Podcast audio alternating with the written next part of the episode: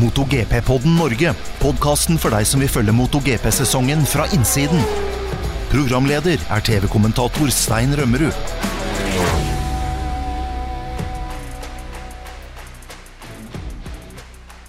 Hei og velkommen til MotoGP-podden Norge. Ny episode, lenge siden sist. Dette er episode nummer 28. Jeg heter Stein Rømmerud. Og som alltid, Dag Steinar Sundby og Thomas Sigvartsen er eh, med.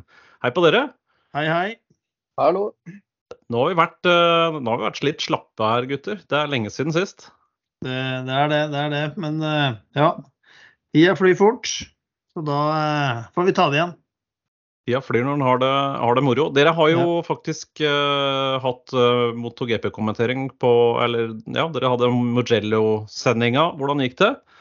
Jo, jeg syns det gikk bra. Det er jo alltid ekstra hyggelig å kommentere fra, fra Mugello. Det er jo litt eh, spesielt, syns jeg i hvert fall, da. For, for min egen del, å, ta det derfra. Ja, rå bane. Eh, jeg har jo kjørt litt motorsykkel siden sist, og det var veldig gøy. Jeg, jeg røyk på et kjøp. Jeg kjøpte meg uh, turingsykkel for første gang i mitt liv. Det har jeg aldri hatt før. Det skulle vært en egen episode om det. Ja, det er egentlig det det burde ha vært. Så det, sånn er det- Jeg har kjørt, vet du hva, jeg har kjørt så mye tur med RR-sykkel, med vesker og alt mulig rart, og ryggsekk og vondt i hendene og sliten når jeg kommer fram og sånn. Så nå tenkte jeg nå, i år, så skal jeg prøve noe annet. Så nå kjøpte jeg en um, en Ducati Multistrada Pikes Peak. Så den har jeg vært på langtur med. Kjørt eh, Nord-Italia rundt. Starta i Roma og endte opp i Roma med tur innom San Marino Firenze og alt mulig rart oppi der. Og passerte Mugello. Jeg var um, to og en halv mil unna Mugello på lørdagen uten å dra opp på banen. Det er ikke bra, vet du. Nei, vi ser konturene av noe nytt her nå. Så eh, det, det kommer bekymringsmeldinger snart.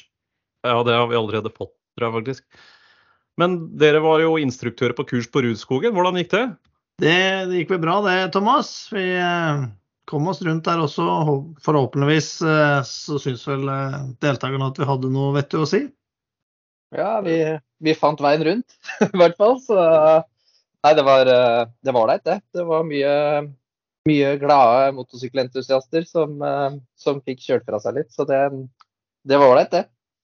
Men du pleier vel å dytte huet fullt av sjokolade når du er instruktør, er ikke det du pleier å gjøre, Thomas? Sånn inni hjelmen rett før du skal ut, for det er så kjedelig? Jo, jeg har, eh, har funnet ut ennå at eh, med litt sjokolade i, i munnen og kaffe i den camelbacken, så koser jeg meg litt mer når vi, når vi kjører med sånn 110 som maksfart, da, som vi hadde der. Så det, da, da koser jeg meg selv i lavere hastigheter. Ja, men det er bra.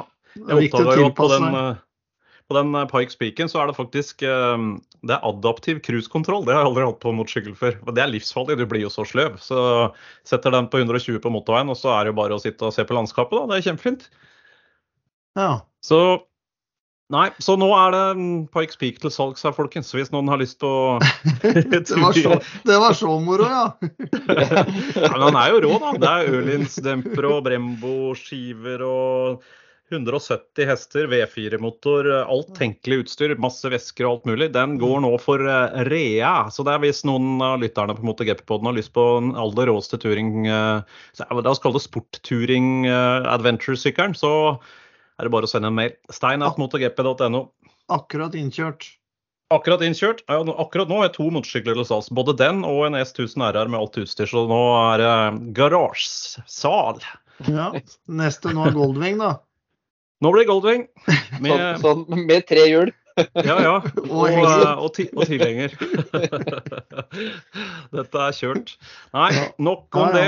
Nå skal vi snakke MotoGP. Det har jo vært eh, to rå VM-runder siden sist, og det var eh, Mugello og Sachsenring.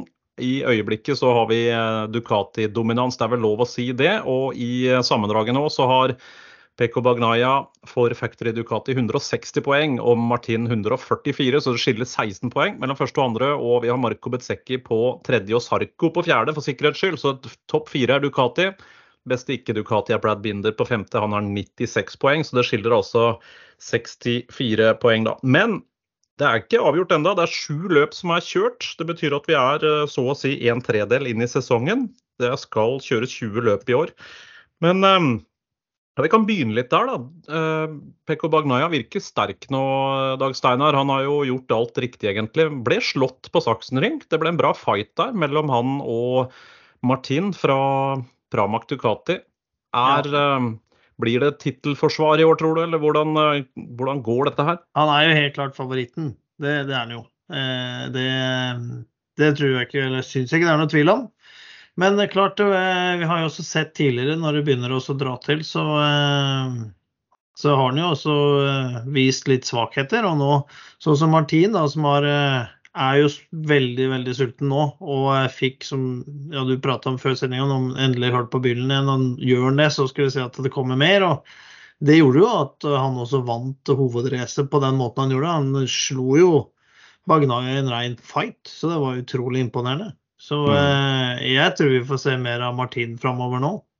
Og Han vant jo sprintløpet på lørdagen også, så det så ut som det klaffa veldig. Men dette er jo faktisk bare hans andre MotoGP-seier. Han vant jo Styria Grand Prix i 2021 mm. og tok ingen seier i fjor. Men nå i år så blei det, ble det, stang inn, da. Og ja, hva tror du, Thomas? Er det sånn nå at han har liksom fått hørt på byllen og kommer til å bli en mer seriøs tittelutfordrer? Ja, sånn som det ser ut nå, så er han helt klart, um, helt klart en av de som kan utfordre Bagnaya. Um, vi har liksom alltid omtalt den som, som den eksplosive Jorge Martin da, som, som setter sammen én runde. Uh, og Ser du nå i år kontra i fjor, så, så har han, fått gjort om en god del på akkurat det. For um, fjor kvala han vel nummer én, to, to og én de fire første løpa. Nå har han ikke hatt noen førsterekkestart. Han har én førsterekkestart eller to, um, og har på en måte snudd da Jeg så på det før, før episoden, og på de syv første løpa i fjor så hadde han fire nullpoengere. Uh, og han hadde da fire ekstremt gode kvaler. Uh, nå har han på en måte snudd opp ned på det. og og gjør litt dårligere kvaler, men får sydd sammen løpet. Da. Og det, mm, jeg syns han kjører seg bedre og bedre. og har nok en litt mindre sånn testrolle òg enn det han hadde i Ducati på starten av sesongen i fjor, som gjør at han får litt mer ro til å fokusere på seg sjøl og mm, på kjøringa. Og da mm, Jeg tror han kommer til å være en av de som, som uh, erter Bagnaya lenge nå. Men kan en fører fra et privatteam vinne VM? Er det teknisk mulig? Ja, det, det, vil jeg si. Det er eh, sånn som jeg Ducatiene nå, så ser du løpet nå. Av de ni første så er det åtte Ducatier. Eh, og det er ikke så store forskjeller.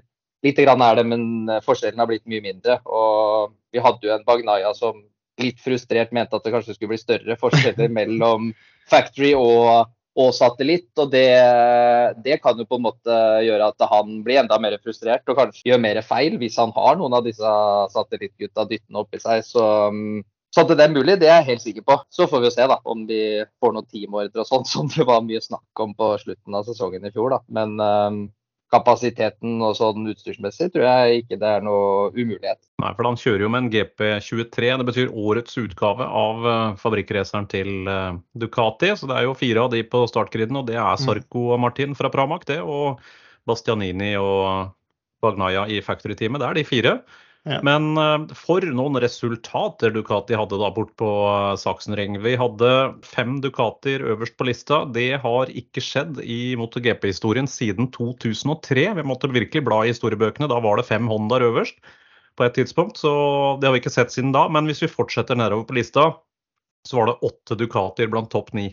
Så de åtte Ducatiene som var der, klarte altså alle sammen å skvise seg inn på de øverste ni plassene. Det er kun Jack Miller med KTM-en på sjette som ødela total Ducati-dominans. og Noe sånt har vi jo aldri sett før. Det er jo ikke noe tvil om hvilken sykkel som er den beste på, på griden i år. Og de har på en måte lagt lista nå for uh, hva som gjelder når det gjelder uh, motorsykkeldesign og, og utvikling. Veldig mye har skjedd både på aerodynamikken for å få mer marktrykk, og ikke minst også løsningene med ride height devicer gjør at vi har fått akselerasjoner og også topphastigheter vi aldri har sett før. Og det blir slått banerekorder hele tiden, alle steder. Eh, hva tenker dere to om dette? Blir det Det blir jo et, eh, en slags ny eh, standard i klassen nå. Det, virker som det tekniske her har tatt ikke bare ett, men kanskje to steg videre de siste par åra. Dag Steinar? Ja, det har jo eh, virkelig vært en utvikling på det, og sykler blir bygd helt annerledes. Og, og, som du var inne på det der med i forhold til Honda-epoken, men det var også noe annet som var nå, at det var det er første gang siden 1969 at det ikke er en uh, japansk motorsykkel innafor topp ti. Mm. Så det viser jo at det er uh, over en lang periode så har det blitt snudd mer og mer på huet. Så men kan du si sånn som vi, vi prata litt om også, at det, vi ser nå eh, Aprilia, KTM og da Ducati, de er bygd som en pakke. Det er én pakke, mens vi ser de japanske sykla, de ser jo mer ut som eh, de gjorde før. Og så er det liksom satt på aero og vinglets og, og sånne ting. Men eh, det virker ikke som de har tatt de japanske fabrikkene har tatt det steget og så bygd en komplett pakke hvor alt er uh, inkludert, liksom, sånn som de europeiske nå gjør. Mm, designa som én integrert uh, helhet, der mm. særlig aerodynamikken er helt integrert i hele motorsykkeldesign mm. og den tekniske løsningen. Og det er vel også det som gjør at Honda nå har et kjempeproblem. De har rett og slett blitt akterutseilt. De har stått for stille i den tekniske utviklinga og blitt ja, eh, satt i skammekroken på en måte. Vi så en svært frustrert Mark Marquez i uh, Tyskland. Han krasja på fredagen. Hadde låst et forhjul på vei inn i sving 1 på en av fritreningene på fredagen. Den sykkelen sklei jo rett fram og torpederte Sorco, som var på vei ut av pitlane. Det var krasj nummer én. Så hadde han på lørdagen ikke mindre enn tre krasjer i løpet av 30 minutter på Q1 og Q2. Han måtte jo løpe tilbake igjen, ut med reservesykkelen, krasja den. Fikk den på hjula igjen, fikk reparert, ut enda en gang, krasja enda en gang. Og på søndagen så var det jo warm-up, og da fikk han jo en highsider i sving 7 som var voldsom. Og da så vi jo hvor rysta han var. Han var rett og slett punch drunk. Han hadde jo fått en vanvittig runde og så helt forslått ut. Fikk også en fraktur i tommelen. Han ble jo erklært fit for race av uh, det medisinske teamet, men uh, teamet valgte å si at han skal stå over. Han ga jo noen intervjuer etterpå, det var med solbriller på. Det går et rykte nå i pitlane at han har fått uh, tilbake dette problemet med dobbeltsyn fordi han har slått hodet så hardt. det er bare et rykte, og det har ikke blitt sagt, blitt bekrefta av noen offisielle kilder. Men han så veldig rysta ut og veldig frustrert. Hva er det vi ser nå? Er det rett og slett en Mark Marquez som begynner å bli så desperat. Han kjører denne Hondaen langt over hva den Hondaen egentlig er kapabel for, for å prøve å holde følge med Ducatiene, og det blir krasj på krasj. Er det det vi ser? Det er jo til dels det også. at uh, Han har jo en sånn killerinstinkt uh, som ingen andre har. Men uh, også den siste, den warm-upen, det Ja, Nakagami lå rett bak, og han skjønte ikke hvorfor han bare plutselig spant ut der. Så det er jo ja, det er jo noe som ikke fungerer. Eh, det er helt klart altså på, for Honda også. For vi ser jo når du har så voldsomme highsidere liksom sånn vi, ikke, vi, ser jo ikke det så mye, men det er jo en som stort sett highsidere eh, har gjort. Eh, ja, det er jo Marques vesentlig flere ganger enn en andre. Vi, har jo, vi ser en sjelden gang noen på de andre fabrikk- eller produsentsyklene at de highsider, men det, det skjer ofte med Marques og Honda. Ja, det virker som han den er veldig uforutsigbar. Han kan jo ikke stole på grepet der. Vi så jo den krasjen han hadde på warm-upen. Da, da, ligger han jo på alle disse venstresvingene på Saksenring gjennom sving 4, 5, 6. alt ser ut til å være på skinner. Sving sju, han pusher jo hardt. Han gjør det med plutselig, sånn helt uten noe forvarsel, som lyn fra klar himmel, så stiller sykkelen seg bare på tvers. Slipper han miste grepet bak, og det hugger tak igjen. Han blir kasta av, selvfølgelig, da, highsider. Så det virker jo som han gjør det han kan for å kjøre Han rett og slett overkjører den Honda, men han får jo ikke den um, feelingen han er ute etter. Så det virker ikke som han stoler på, på grepet, og da blir jo selvfølgelig også kjøringa deretter. De har testa med begge disse chassisene nå, både Decalex-utvikla chassis og Hondas eget, men det ser ikke ut til å være noe bedre, noe av det. Hva er det vi, er det vi ser her, Thomas?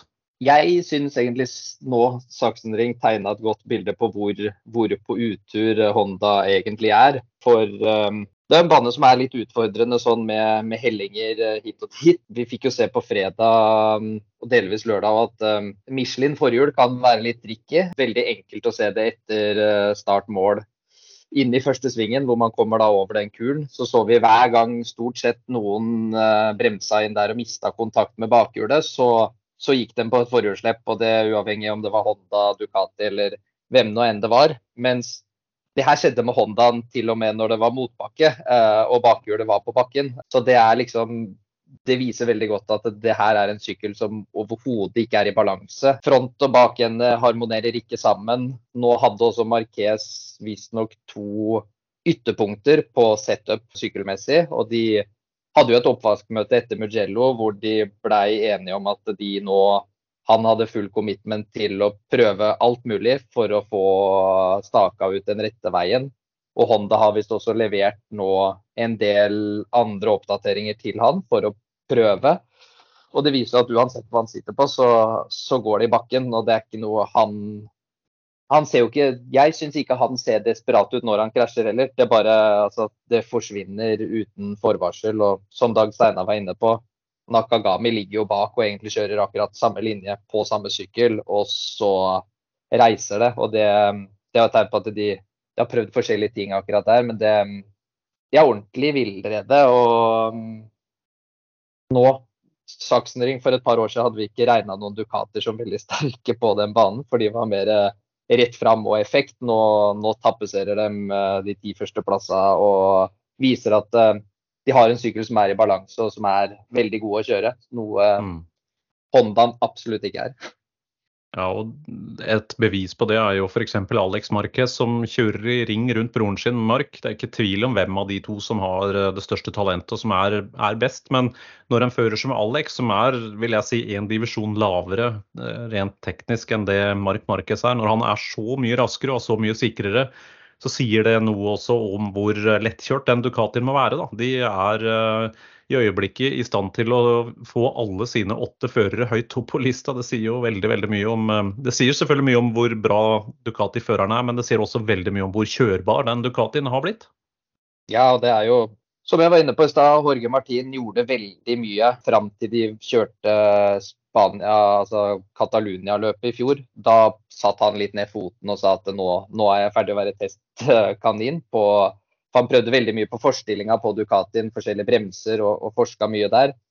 Og ville på en måte begynne å fokusere litt på seg selv. og Det, det er tydelig at han og Sarko, som vi vet har gjort en veldig testjobb, at nå, nå er de såpass uh, innafor vinduet med den sykkelen at de har sikkert prøvd mye mindre nå i år og bare fått kjørt uh, fokusert på seg sjøl og det dem skal gjøre. og det, Da er jo plutselig de der oppe også. Uh, så det viser jo bare at Ducati er trygge på at uh, de har en veldig bra pakke nå. Og at alle kan gjøre gode kvaler og løp. Det er fristende å bruke et ord som krise om det vi ser fra Honda nå. Vi har eh, en situasjon der de sliter veldig med å få sine førere i mål, og det blir skader. Vi ser i øyeblikket begge Repsol Honda-førerne er ute med skader. Mir har en håndskade som er eh, Ja, den hindra han fra å kjøre på Mugello. Vi har eh, da Mark Marquez nå med ny skade, tommelfraktur og slått seg kraftig på alle disse fem krasjene han hadde i løpet av tre dager på, på Sachsenring. Vi har Alex Rintz som har brukket både eh, leggbeinet og skinnbeinet, og tar lang tid før eh, han er tilbake igjen. Vi så Nakagami på Sachsenring knuste sykkelen sin i Waterfall der i sving 11. Den ble jo demontert. Han er også kraftig forslått. og det er ikke, det, dette ser ikke bra ut. Det er fristende å bruke ordet krise, Dag Steinar. Ja, det er det. Og så kan man eh, tenke litt hva liksom har vært policyen da, når verdens største motorsykkelprodusent og mestvinnende gjennom tidene, at de kan falle av lasset så mye. Klart, De japanske produsentene hadde det mye vanskeligere under de åra vi hadde med covid og, og utviklinga der i forhold til eh, det europeiske. Så, så, at det europeiske er noe foran, jeg ser på som ganske naturlig i forhold til den situasjonen det var. Men er så i villrede. Er uh, merkelig. Vi vet jo de her uh, produsentene spionerer på hverandre og uh, følger med og har, ja, gjør det de kan. da. Og vi ser jo KTM nå. Det har kjempenytte av Jack Miller og kommer mye info der med, med hva han skal gjøre med KTM, som, er blitt, som vi vet har blitt en lengre og lavere motorsykkel enn det det var, og fungerer bedre i forhold til Michelin-dekka som er der. Men at Hondaen igjen er kort og høy, og virker som han er jo det fremdeles. Mm. Både Brad Binder og Miguel Oliveira Nei, unnskyld. Både Brad Binder og Jack Miller, som var det jeg skulle si, er jo veldig fornøyd med utviklingsarbeidet som skjer i KTM nå, og de har tatt noen steg i riktig retning. Jeg, jeg tror egentlig ikke at forskjellen og avstanden opp til Ducati er så veldig stor for, for KTM. De er ikke langt unna. Og når eh, Jack Miller allerede i sin første sesong her er med og fighter høyt opp og klarer å bryte opp eh, hele den Ducati-gruppa, klarer å kjøre seg inn til en sjetteplass her. Han sto jo på førsterekka også, og mm. det er jo et godt tegn. Og de er fryktelig startraske. Det ser ut som de har funnet en eller annen løsning der på, eh, med den holeshot-devicen og den måten de starter på. Både Binder og Miller er jo ekstremt raske. Binder sa jo at han, han gleder seg til startene nå. Han tenker hele tiden på hvordan, hvor skal jeg finne plass, fordi han er redd for å bli holdt igjen. og Han har opplevd det flere ganger at han må slå av på gassen under akselerasjon på start målsletta når, de, når det røde lyset slukker. Fordi de, de er så mye raskere eh, fra stillestående. Ganske heftig, men de sliter jo litt med å prøve å holde, klare å holde det tempoet oppe. da. Det blir eh, passert i løpet av en runde eller to eller tre, men de er der. Det er ikke langt unna. og det også skyldes vel at de har, tatt denne, hele denne designfilosofien fra scratch. og De har jobba mye i vindtunnel. De har brukt også Formel 1-knowhow fra, eh, fra Red Bull-systemet, det vet vi. Og det samme gjelder jo Ducati. De har jobba beinhardt, fått over nisjekompetanse fra Formel 1 som gjør at de nå klarer å gjøre datasimuleringer på et helt annet nivå enn det de har sett før. Eh, dette må være en tankevekker for en kjempemaskin som HRC, altså Honda Racing Corporation, og ikke minst også Yamaha Racing, som har ressursene. De, de må jo sette seg ned og begynne litt på nytt nå, begge disse to japanske merkene. Til og med Aprilia ser ut til å være foran Honda og Yamaha i øyeblikket. Hva, hva er veien ut av det uføret som de to japanske fabrikkene er i nå, Thomas? Det, det er et godt spørsmål. Hadde jeg visst det, så skulle jeg tatt godt med penger for å svare akkurat på det der til, til Honda nå. Nei, jeg tror, eh, som vi er litt inne på, da, med med at de, de sykla Ser du på Yama og, og, Honda nå, så er det på en måte det er fortsatt tradisjonelle sykler som de bare har tatt liksom noe add-on på. Eh, de har videreutvikla sykkelen som var for tre-fire år siden, og bare putta på litt mer aero. Eh, er seine med aeroen. Og så syns jeg også, hvis du ser eh, aksjeavstand eller forhjulet mot hvor motoren sitter på Honda og Yama, så er det ganske stor forskjell fra Aprilia Ducati. Um, det er liksom noe sånn grunnleggende design. Um, og der tror jeg liksom Ducati, Aprilia og nå KTM har på en måte uh, bare gått etter regelverket og så bygd ut ifra hva er det som er lov i regelverket, og så heller justert og tatt bort. Uh, Honda har på en måte bare fylt på med at uh, oi, her er det noe mer vi kan også kan gjøre. Og det, mm, men det er spesielt uh, Honda ser ekstremt ubalansert ut. Eh, Yaman krasjer jo ikke så mye, men der ser det også ut som førere på en måte har gitt opp litt mer enn det, det de Honda-gutta har. Mm. For der er det liksom begge to. Det er så uh, tamt, både Fabio og mm. Morbidelli. Uh, mm. De liksom så, er så resignert at uh, det er vanskelig å si liksom, hvor, hvor er det største problemet. Om, om, det bare mangler litt hele veien, eller om det er noen store grunnleggende feil. Mens uh, Honda er det liksom Der er det fortsatt noen som prøver litt, føler jeg. Og da, da går det i grusen hele tida. Så mm.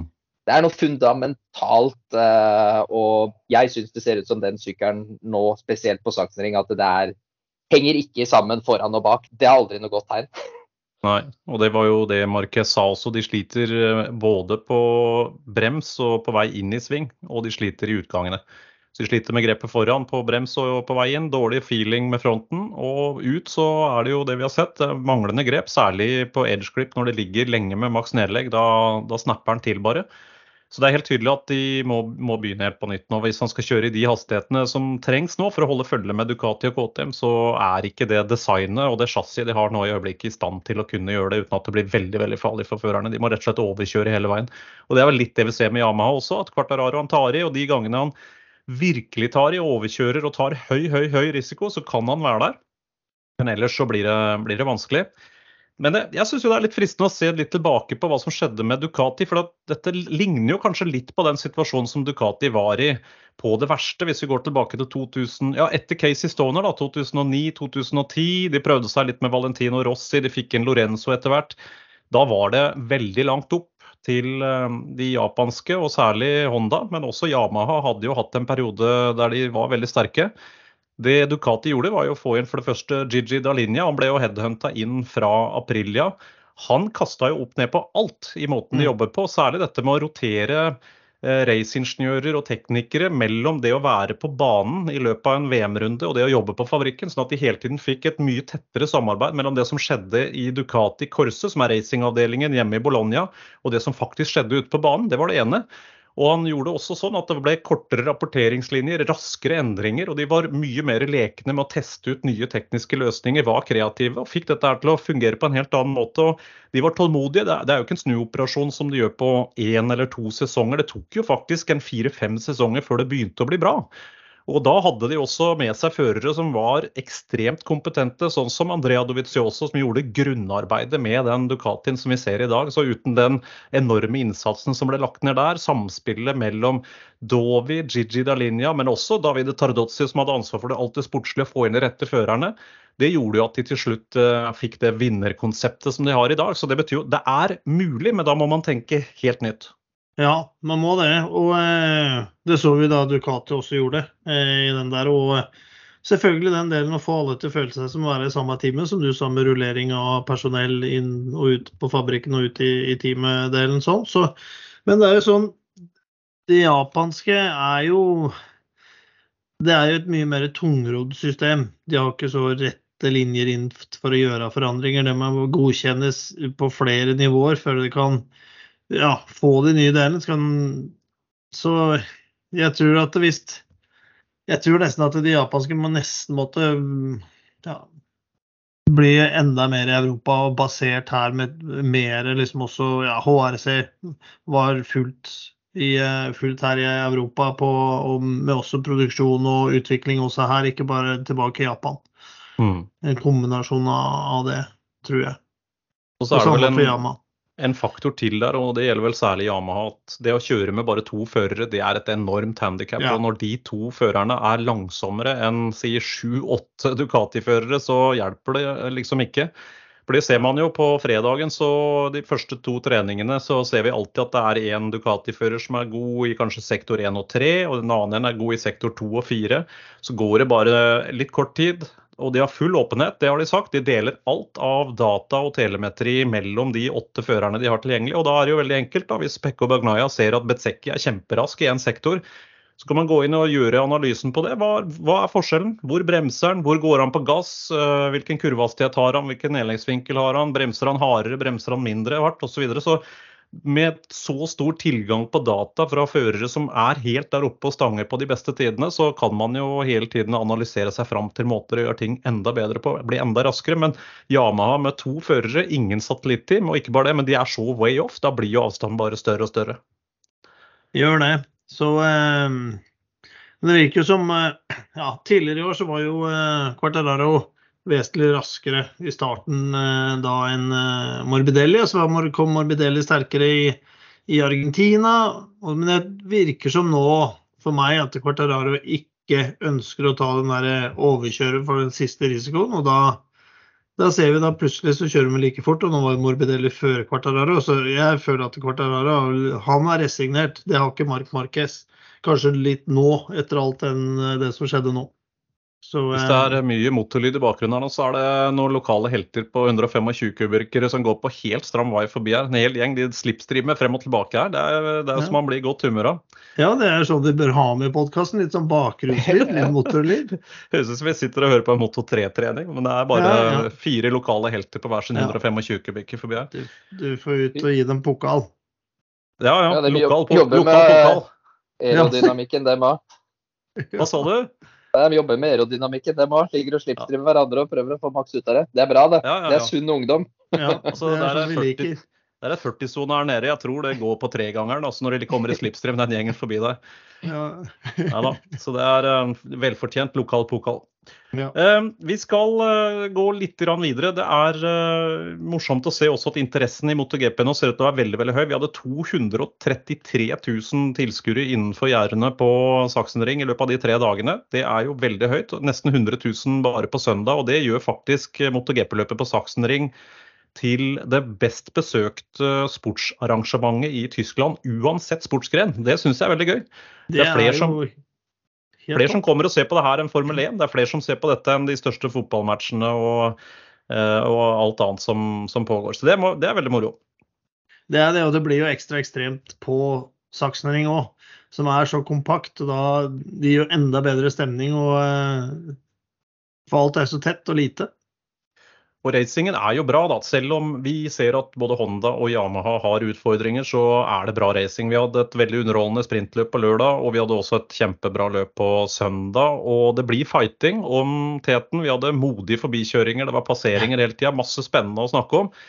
Og eh, jeg vet jo at en del seere som kanskje ikke har fulgt den grenen her så mange år, de kan bli litt bekymra når de ser at det er åtte Ducatier blant topp ni, og så tenker man at dette blir nesten som en Ducati Cup og full eh, dominans der. Men til dem så kan vi jo si at sånn har det alltid vært. Det er perioder der ett merke er bedre enn de andre, og det er jo en uh, inspirasjon for konkurrentene å ta mm. seg sjøl i nakken, gå et steg videre.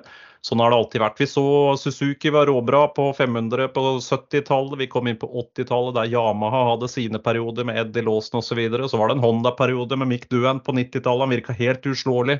Vi hadde en Honda-periode med Rossi, og så kom det en Yama-periode med Rossi og Lorenzo. Dette her går i bølgedaler og bølgetopper, og akkurat nå så er vi inne i en Ducati-periode. Men det jeg kan garantere, på et eller annet tidspunkt så har de andre blitt inspirert av det, og de tar det ett steg til. og Det gjør at sporten bare fortsetter å gå. Så vi får bare nyte det. Det er uh, høy teknologisk utvikling akkurat nå. Sporten har tatt flere steg i riktig retning, men det kommer til å bli jevnt og spennende utover. Og det er mange, mange poeng som skal deles ut. Så vi vet også at både Binder og Miller i KTM de skal gjøre det de kan for å bryte opp den Ducati-dominansen. Og så er det jo alltid spennende å se om disse privatførerne, som Bezzecchi, som Martin, som Sarko, kan matche factory-førerne.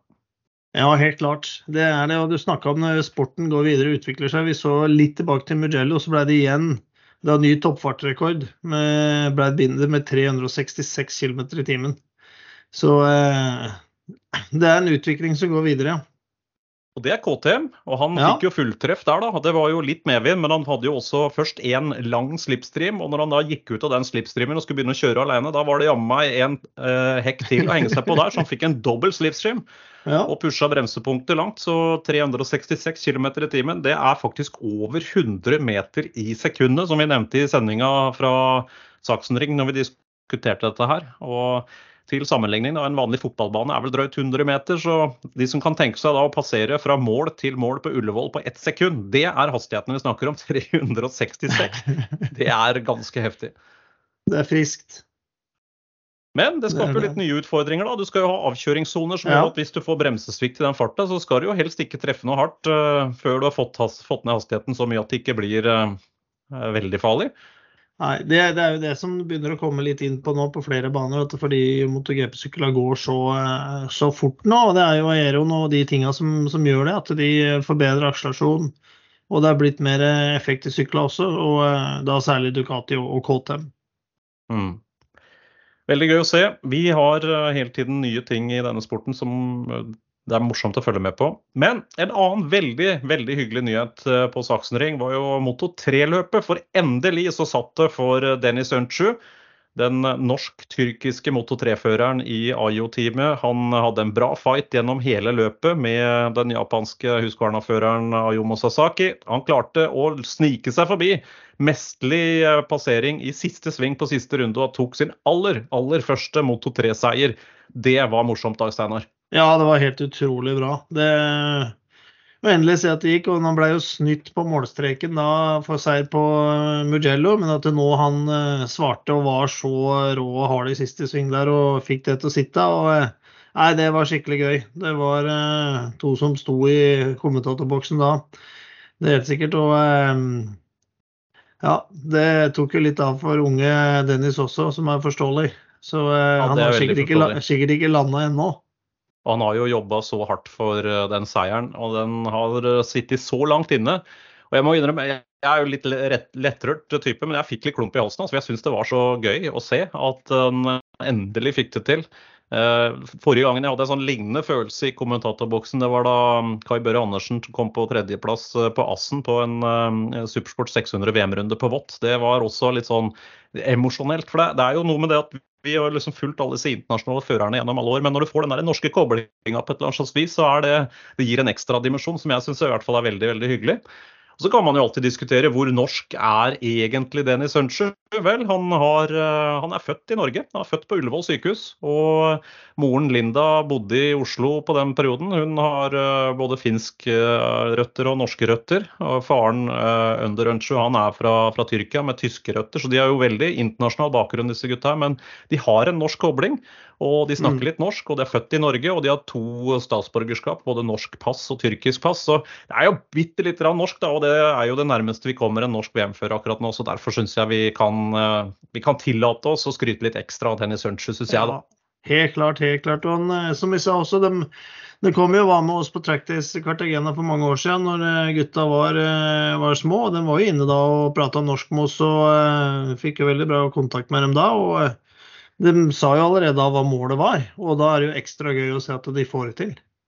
Så syns jeg det er gøy at det blir lagt merke til. VG, som er Norges største avis, de, uh, journalisten her, Ole Kristian Strøm, han ringte meg mens vi satt i kommentatorboksen like etter at Moto 3-løpet var over, så jeg ble jo stille der i fem minutter. Det var fordi jeg gikk ut og tok dem, for jeg visste at det var VG som ringte og skjønte hvorfor. Fordi Jeg syns det er viktig da, at vi får eh, oppmerksomhet rundt disse førerne i Norge. Det er jo en voldsom Formel 1-interesse akkurat nå, og motorsportinteressen i Norge har aldri vært høyere når det gjelder internasjonal racing. Og det at det smitter litt over på motorsykkel, det er det veldig mye som tyder på. Vi får god respons både på disse podkastene og på sendingene våre på Viaplay. Og jeg tror også at vi da, når vi får da denne bitte lille norske koblinga mot Dennis Sunche, så er det også med på å dra opp interessen. Og kanskje, kanskje, kanskje smitter det litt over også på norske utøvere etter hvert, da. Ja, det får vi håpe. Så nå eh, Vi trenger noen nye nå som kommer nå. Når til og med unge Sigvardsen er eh, trappa ned kraftig her sånn, så må vi jo eh, få inn noen nye som satser litt. Ja, det, det, det er ikke, det er ikke så, så, mange, dessverre. Så men det er jo som det jeg er inne på her, hadde, det er veldig positivt. Og det Jeg er helt sikker på at det, eh, det er bare positivt når, når, Dennis gjør sånne resultater for, eh, for alle norske. Så, så, vi får bare håpe at det er noen som uh, tenker at det vil jeg gjøre òg, og, og, bare vri gass uh, framover. Ja. Så og det finnes jo masse muligheter. Vi har jo de norske klassene selvfølgelig, og, og, racing her i Norge og Sverige. Men det finnes jo også en Northern, Northern Talent Cup som er mulig å søke seg inn på.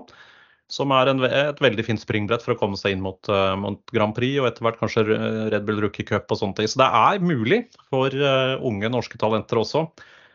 Um, vi har uh, en VM-runde på gang nå til helgen igjen. Det er jo mm. tre på rappen den gangen her. Skikkelig hat trick. Det var Mugello for en drøy uke siden, og så var det Sachsenring denne helga. Og neste helg nå så er det da The Cathedral of Speed, som den uh, kalles. Assen i Nederland. En uh, fin motorsykkelbane med god flow og høy snitthastighet. Dag Steinar, du har kjørt EM der. Har du kjørt der, Thomas? Nei. Der har jeg bare, du har bare holdt deg sånn helt lengst sør i Europa?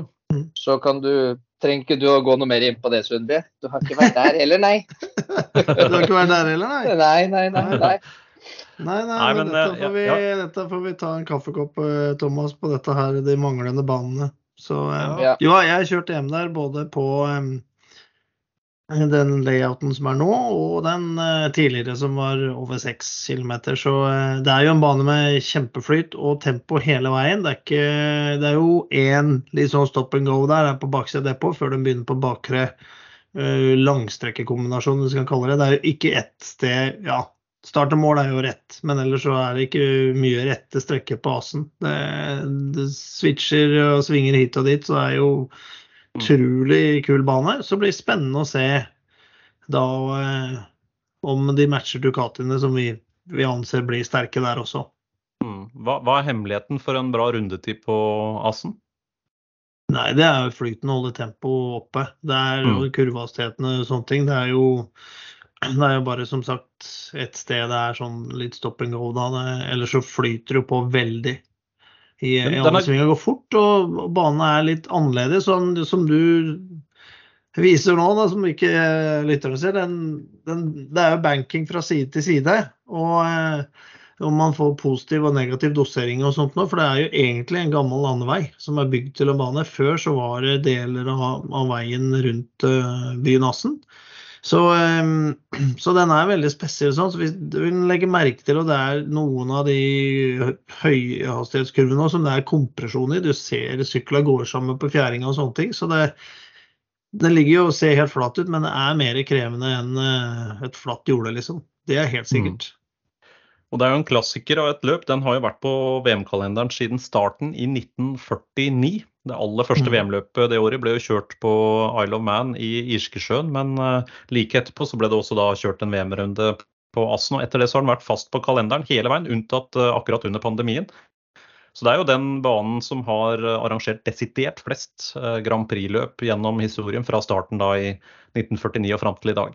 Så det er noe eget. Det er en helt spesiell stemning der. Og du har disse grønne gressvollene rundt store deler av banen også. Så, og det er ganske flatt, som du sier. Det er jo i Nederland, og det gjør også at man ser store deler av banen som tilskuer der. Jeg har bare vært der som journalist og, og tilskuer. Jeg har ikke kjørt der sjøl, men det ser veldig veldig morsomt ut. Og banen produserer jo ofte tette løp, bra løp. Og det som jeg liker spesielt godt, det er en bane som skiller Clinton fra Veten. Her er det viktigere å ha gode tekniske ferdigheter og mot som motorsykkelfører enn å ha de siste ti hestekreftene. Mm. Det, er, det, er, det Så må man også ha en sykkel som er eh, jeg kan si fleksibel og svinge bra i høye hastigheter. For det er jo masse sideskifting og, og uh, høyfartssvinger hele tida fra side til side. Og da går det jo i 300 km, og du skal flikke sykkelen da fra side til side.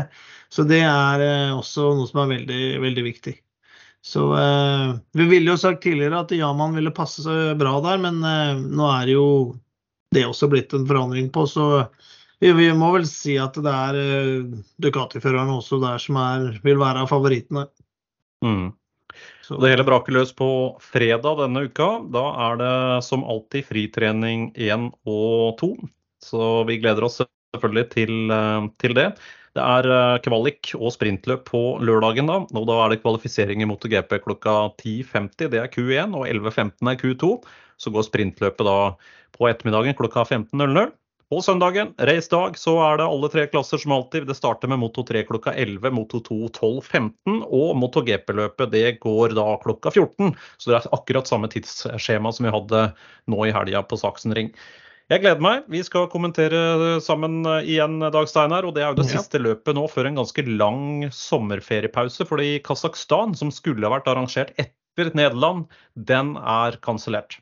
Ja, den gikk ut ganske tidlig, her, sånn, så det er vel eh, en nødvendig pause for uh, fører og team, uh, vil jeg tro. Uh, du er vel enig i det, Thomas? Vi ser av skadeomfanget nå at de virker litt slitne? Ja, det begynner å bli et slitent felt etter bare, etter bare syv helger. Så um, jeg tror det kommer veldig beleilig for, for veldig mange av, av førerne og teama å få en litt, litt lengre pause nå. Så vi kanskje har fullt felt etter ferien. Ja, for Da blir jo neste løp eh, den 6. august, 5. august, og da er vi i England. Da er det Silverstone, så det blir jo ingen løp da i, i juli. Så en ordentlig lang sommerferiepause der. og det, det er som dere sier, de aller fleste, og særlig de som sliter nå med litt skader, er sikkert glad for det. Men for Pekko Bognaya, som ligger helt på topp og er i flytsona, og der alt sammen stemmer i øyeblikket, så er det ikke sikkert at en sommerferie er det man ønsker seg. Da har man vel kanskje mer lyst til å bare fortsette i den flowen man er, eh, Thomas? Ja, man vil jo altså Når man er på topp av situasjonen, så, så blir det jo sånn at uh, nå kan vi bare holde det gående. Men jeg er helt sikker på hans del òg, det koster så mye. Og det har jo de sagt nå i år med det nye formatet, at uh, nå er det en helt annen påkjenning helga igjennom, hvor du, du må bare være helt i bobla fra første, første practice da på, på fredag. Så um, jeg tror nok sånn uh, slitasjemessig så merker nok de også at det er vanskeligere å spenningsregulere. Det er, um, det kanskje litt noe vi så på Bagnaya nå på Saksenring. At han uh, møter en Martin som har enda litt mer tenning og er liksom ikke like flink til å regulere det sånn som vi har sett den de tidligere løpa. Så um, tror nok alle syns det er OK å få en break. Og så og er man der oppe, så veit man at nå må jeg bare trene godt, og så skal jeg fortsette der jeg slapp. Så um, det er nok uh, for alle sammen helt OK. Veldig bra. Vi skal gå inn for landing. Tusen takk til eh, Dag Steinar Sundby, Thomas eh, Sigvartsen. Det var en uh, morsom samtale om uh, mange spennende ting. Vi er uh, tilbake i MotoGP-studio da på lørdag til helga med løp som sagt fra Assen. Håper at dere som lytter på denne podkasten også trykker på abonner, sånn at dere følger eh, denne podkasten der dere måtte laste den ned. Så slipper dere å gå glipp av noen episoder. Det er selvfølgelig gratis, eh, men eh, det gjør at vi får opp lytterantallet enda mer. Og del gjerne en link til podkasten med andre MotoGP-fans der ute. Som vi har sagt mange ganger før, det er plass til flere lyttere her. Med det så takker vi for følget for denne gang. Vi er tilbake igjen med en ny episode etter Assen. Vi høres og ses til helga. Ha det bra så lenge. Du har hørt MotoGP-podden Norge med programleder Stein Rømmerud.